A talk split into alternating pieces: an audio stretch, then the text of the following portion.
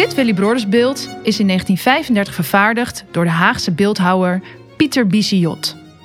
Willy Broders wordt wel de apostel van de lage landen genoemd, omdat hij rond 700 vanuit Ierland naar Nederland kwam om hier als eerste het christelijk geloof te verspreiden. Op zijn tocht door Nederland kwam hij ook in Heilo, waardoor een wonder een put ontstond. Deze Willy Brodersput ligt bij het middeleeuwse Witte Kerkje verderop in Heilo. Vanaf de 17e eeuw ontstonden er bedevaarten naar deze Sint Willy Brodersput. Deze verering raakte steeds meer verbonden met die van onze lieve vrouw ter nood.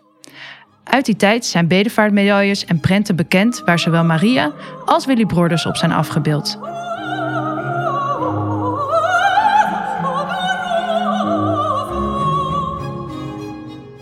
Heb je de trein al voorbij horen komen? Tot 2013 was er een treinstation precies naast het heiligdom met de naam Rungsputten. De bedevaartplaats was buitengewoon populair. Zo schreven onder andere de bekende schrijvers Godfried Bomans en Gerard Reven over hun bezoeken aan Heilo. Om de grote stroom van bedevaartgangers op te kunnen vangen, werd dus in 1914 een speciaal treinstation gebouwd. Ook kwamen er hotels, cafés en winkeltjes aan de kapel aan, direct achter de Ganadenkapel, om de vele bedevaartgangers in hun behoeften te kunnen voorzien. Ans Willemsen vertelt over haar jeugdherinneringen aan het heiligdom. Wij kwamen vroeger hier al gewoon met oma en opa, die woonden in Bergen. En daar kwam je gewoon naar het putje. Want wij zeiden niet zo heiligdom, dat woord werd niet gebruikt vroeger.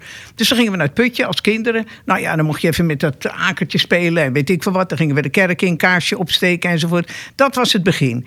Nou, toen, uh, even kijken, wij woonden in Haarlem. Daar heb ik mijn hele middelbare school gedaan. En het was toen gebruikelijk, dan praat ik over de examenjaar 1955... dat de examenkandidaten van de middelbare scholen op bedevaart naar Onze Lieve Vrouw ter Nood gingen. En het was lopend, op de fiets of met de trein. Lopend had je de meeste kans van slagen. Op de fiets ook nog een beetje. Maar als je met de trein ging, dan moest je nog wel even, even hard werken. Want dan zou je misschien niet slagen. Want het was dus minder inspanning geweest enzovoort. Nou, dan hadden we hier natuurlijk voor de mensen die met de trein gingen. gewoon het station, Onze Lieve Vrouw ter Nood. Er werd officieel gestopt. Het was een officieel station. Onze Lieve Vrouw ter Nood, waar de trein stopte en waar je uit kon stappen. Nou, als we hier met de middelbare scholieren kwamen, was natuurlijk onderweg was eigenlijk al feest. We waren heus niet zo uh, braaf dat we onderweg al baden of mediteerden. Maak geen illusie. Nou, dan gingen we hier natuurlijk naartoe en dan hadden we de viering en een stukje, soms een stukje processie of niet. En dan gingen we naar de overkant, naar de cafés. En die viering werd natuurlijk werd goed op ons ingesproken van, nou ja, wat er dan bij een viering hoort en dat het ons examenjaar was. En, nou, dat, en dan gingen we naar de overkant van de cafés. Daar stonden bijna de hele straat stond vol met cafés.